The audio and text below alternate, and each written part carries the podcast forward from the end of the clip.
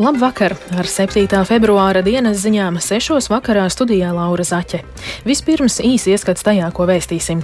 Turcijā turpinās vakardien notikušajā zemestrīcē bojāgājušo un cietušo meklēšana. Krievija mēģina pastiprināt savas pozīcijas Ukrainas austrumos. Valdība atbalstījusi šī gada budžeta projektu. Par šiem un citiem tematiem plašāk ziņu turpinājumā.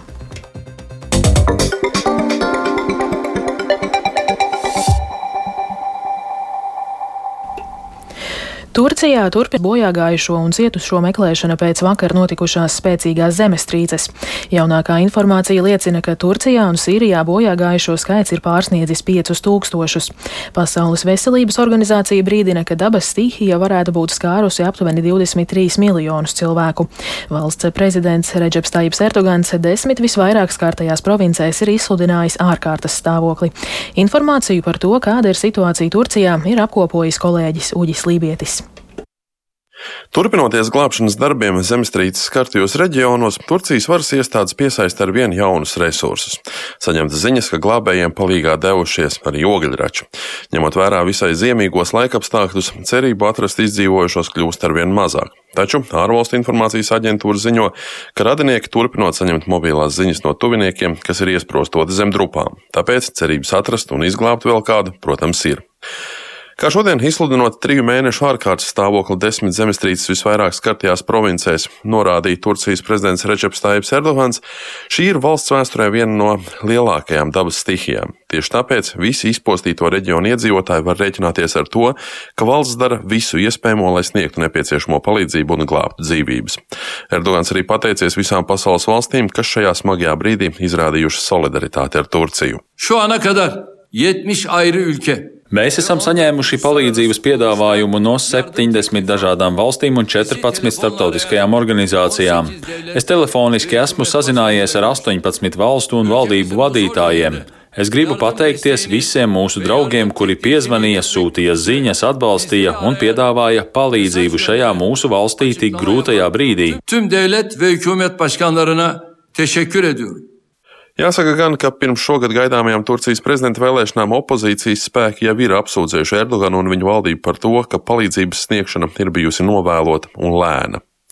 Vienlaikus kaimiņos esošajā Sīrijā, kurā bojā gājušo skaits pārsniedzis 1600 cilvēku, starptautiskā palīdzība nonāk daudz lēnāk. Līdz šim pierobežas rajonos palīdzība tika piegādāta no Turcijā esošā ANO palīdzības koordinācijas centra, taču šīs piegādes ceļš arī pēc zemestrīces uz laiku ir slēgts. Savus glābējus un tehniku uz Sīriju ir nosūtījušas Irāka un Krievija, bet Damaskas režīma pārstāvi aicina starptautisko sabiedrību, īpaši Eiropas Savienību un ASV, atcelt pret Bašara al-Asad režīmu ieviestās sankcijas, lai varētu atvieglot arī humanās palīdzības piegādes zemestrīcē cietušajiem. Uģis Lībietis, Latvijas Radio. Luhanskas apgabala gubernators Serhijas Gaidais šodien paziņoja, ka 15. februārī plānotās Krievijas armijas ofensīvas dēļ uz Ukrainas austrumiem nosūtīti desmitiem tūkstošu krievu. Vairāk stāsta Rustams Šukūrovs. Gaidais uzsvēris, ka Luhanskas apgabala virzienā tiek izvietotas arvien jaunas Krievijas iebrucēju rezerves. Tikmēr šodien publicētie apvienotās karalistes izlūkošanas dati liecina, ka Krievijas mērķis gandrīz noteikti ir ieņemt Ukrainas austrumos esošā Doņetskas apgabala daļas, kas līdz šim vēl nebija okupētas. Taču Britu izlūkošanas dienesta analītiķi arī uzsvēra to, ka joprojām maz ticams, ka Krievija tuvāko nedēļu laikā spēs mobilizēt nepieciešamo spēku rezerves, lai būtiski ietekmētu kara iznākumu iznākumu.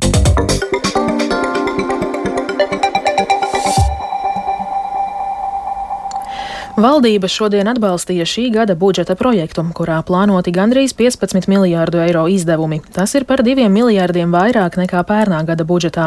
Savukārt ieņēmumi plānoti 12,7 miljārdu eiro apmērā. Tādējādi budžets būs ar būtisku deficītu.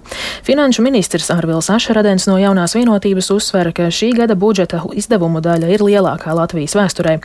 Valdības prioritātes un līdz ar to lielāki tēriņi šajā gadā būs tādām jomām kā drošība, izglītība, enerģētika, konkurētspēja, dzīves kvalitāte un veselība. Turpina premjeras Krišjāns Kariņš no jaunās vienotības. Veidojot valdību, mēs apņēmamies veikt plašu ekonomikas transformāciju vai pārveidošanu ar mērķi palielināt augstu pievienotās vērtības eksportu mūsu iekšzemes koproduktā, mūsu ekonomikā. Lai šo panākt, mums ir jāveic sistēmiskas un plaši koordinētas maiņas gan mūsu valsts drošības uzlabošanā, izglītības sistēmas, enerģētikas apgādes sistēmas mūsu valsts konkurētspējā, mūsu dzīves kvalitātē un, un e, veselības aprūpas sistēmās e, kopumā. Un šī gada e, izstrādātais budžeta projekts atspoguļo arī šīs mūsu jaunās prioritātes, piešķirot ievērojamas summas visās šajās jomās. Vērtējot mazumtirgotāju un piegādātāju ikdienas sadarbību Covid-19 ārkārtējās situācijas laikā, konkurences padome konstatējusi, ka mazumtirgotāju un piegādātāju savier, sadarbībā, sadarbībā liela problēma ir netaisnīgas un nepamatotas soda sankcijas. Tās abu pušu sadarbību padara nelīdztiesīgu. Plašāk par šo tēmatu Zane Seniņas ierakstā. Konkurences padomas analizēto līgumu nosacījumos nav likuma pārkāpuma, taču tie balansē uz riska robežas. Proti soda sankcijas piegādātājiem, piemēram, par neievērotiem termiņiem vai nepilnīgu preču piegādi, mēdz būt pārmērīgi bargas.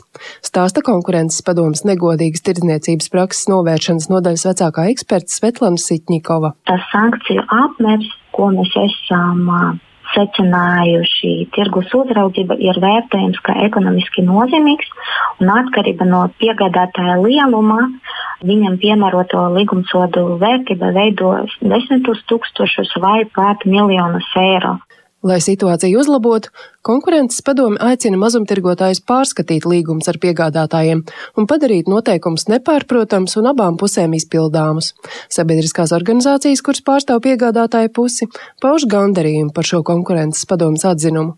Turpina Latvijas pārtiks uzņēmuma federācijas pārstāvis Pēters Liniņš. Šajā gadījumā piegādātāji ir tādā vājākā pozīcijā attiecībā pret otru tirgus dalībnieku, kas ir tirgotāji. Nu, proti, piegādātāji, ražotāji visās situācijās būs atkarīgi no tirgotājiem, jo viņu produkcijas esamība vai neesamība šajās lielajās tirsniecības ķēdēs, protams, ka daudziem lielākajai daļai ražotāji Latvijas tirgu var būt izšķiroši. Līdzīgi par veikalu sankcijām piegādātājiem izteicās arī lauksaimnieku organizāciju sadarbības padomas ģenerāldirektors Guntis Vilnītis zemnieks, viņš pieņem eh, lēmumu nestāstīt iekošana pirkstā, jo viņam būtiski ir tomēr šo savu izaudzēto saražoto pārdot. Pārtiks tirgotāja asociācijas izpildirektors Noris Krūzītis konkurences padomjas paziņojumu plaši nekomentēja, jo nesot to vēl izlasījis, taču bilda, kā asociācija izpētes procesā bijusi iesaistīta un paudusi savu nostāju saistībā ar garākām piegādes ķēdēm, kurās nav tikai viens, bet vairāki dalībnieki, kas līguma attiecības padara sarežģītākas. Zana Eniņa, Latvijas radio. Konkurences padomes atklātā pārvadātāju karteļa dalībnieki Liepājas autobusu parks Nordeka un Latvijas sabiedriskais autobus šī mēneša laikā var pārsūdzēt padomes lēmumu par aizliegtu vienošanos. Liepājas autobusu parks Latvijas radio rakstiskā vēstulē norāda, ka padome nav pienācīgi izvērtējusi visus lietas faktiskos apstākļus, tāpēc nonākusi pie kļūdainiem secinājumiem. Pārvadātājs plāno pārsūdzēt lēmumu. Arī Nordeka lēmumu uzskata par kļūdainu un plāno to pārsūdzēt. Autotransporta direkcijas vadītājs Kristiāns Godiņš norāda, ka iestāde aktīvi konsultējas par iespējām lausta līgumus ar kārtaļa dalībniekiem un par to, kā piedzīt radušos zaudējumus. Mums pagājušajā nedēļā bija sanāksme ar iepirkuma uzraudzības biroju. Rītdien paredzēta atsevišķa saruna ar konkurences padomus pārstāvjiem. Un, attiecīgi, arī šīs nedēļas beigās būs arī neatkarīgā advokāta ziņojums, kurā tiek koncentrēt, apskatīt visi aspekti, gan kādas ir normatīva aktu iespējas rīcības attiecībā uz jau noslēgtiem līgumiem. Autotransporta direkcija eh, noteikti rīkosies maksimāli visu, ko pieļauj normatīvi akti, attiecīgi visas iespējas, kuras mēs būsim tiesīgi vērst eh, pret eh, karteļu lietā iesaistītiem. Tas noteikti tiks darīts. No partijas saskaņa izslēgtais Rēzeknes mērs Aleksandrs Bartaševičs šovakar rīko sanāksmi viņa līdzšinējiem partijas biedriem no Rēzeknes, Ludzas un Balvu novada, lai lēmtu par turpmāko politisko rīcību. Viņš apliecina, ka jau šobrīd esot saņēmis no saskaņas ievēlēto Rēzeknes domes deputātu mutisku atbalstu ar gatavību izstāties no partijas un kopā ar viņu iet jaunu politisko ceļu. Savukārt izslēgšanai no saskaņas izteiktos pārmetumus par pozīciju Ukrainas jautājumā Bartaševičs vērtē kā speciāli uzkurinātus no partijas līdera Nila Ušakova. Jo, acīm redzami, bija nepieciešams kaut kāds pamatojums, lai mani izmest no partijas. Pats cik es kļuvis pēdējā laikā diezgan nērts. Tāpēc tur ne par Ukrajinu ir jautājums, bet par manu teikt, pozīciju citos jautājumos, jā, iekšpartijas jautājumos. Jā. Vai tiešām ir vērts tērēt savu enerģiju, lai tāda atmosfēra strādātu? Kaut gan es varu nesliktāk, un rezultāts varbūt arī labākus dabūt strādājot atsevišķi.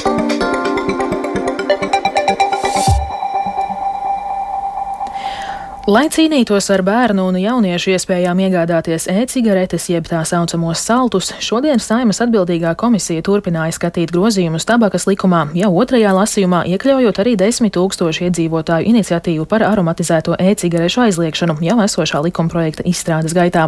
Par to, kā uz šo skatās skolēni un speciālisti, plašāk Agnijas Lazdiņas ierakstā. Smaržas un garšas pievilina bērnus smēķētāji cigaretes. Tā stāsta Rīgas ielās sastapties skolēni.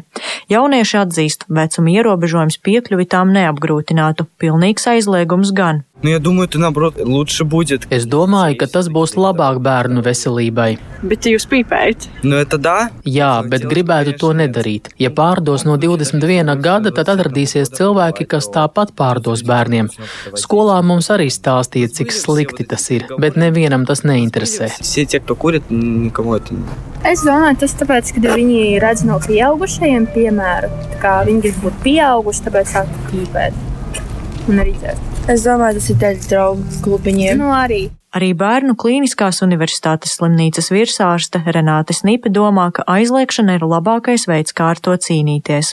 Viennozīmīgi mēs esam par to, ka ir jāaizliedz alternatīvās smēķēšanas ierīces ar dažādām garšām, jo tas ir ātrākais ceļš, lai bērni pat ļoti mazā vecumā gribētu mēģināt, un kā šobrīd rāda pieredze, kā liecina skolotāji, skolu direktori, tā ir milzīgi plaši izplatīta problēma. Saimas sociālo un darba lietu komisijas priekšsēdētāja Inga Bērziņa uzsver, ka būtu nepieciešams arī palielināt soda naudas, tostarp jāskata krimināla atbildība par e-cigarešu neatļautu tirgošanu lai šī cīņa kļūtu pēc iespējas efektīva. Lai ar to reiķinātos arī jaunieši, tas varētu būt līdzeklis, kas palīdzētu pret šo sērgu cīnīties. Tāpat tiek apsvērti arī citi ierobežojumi, piemēram, paaugstināt legālo iegādes vecumu līdz 19 gadiem un pastiprināt muitas kontroli, lai elektroniskās cigaretes nenonāktu nelegālā tirzniecībā. Agnija Lazdiņa, Latvijas radio.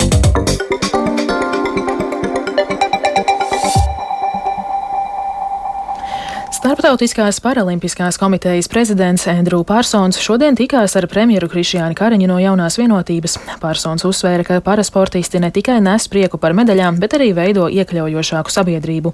Viņš mudināja valdību rast līdzekļus paralimpiskā sporta treniņu centra izveidēji un Latvijas paralimpiskās komitejas budžeta palielināšanai.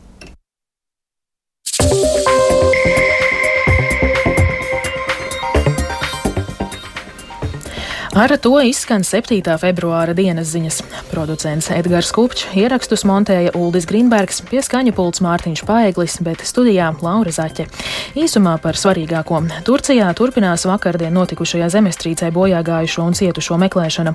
Krievija mēģina pastiprināt savas pozīcijas Ukrainas austrumos. Valdība atbalstījusi šī gada budžeta projektu. Un vēl tikai par laikapstākļiem. Yeah.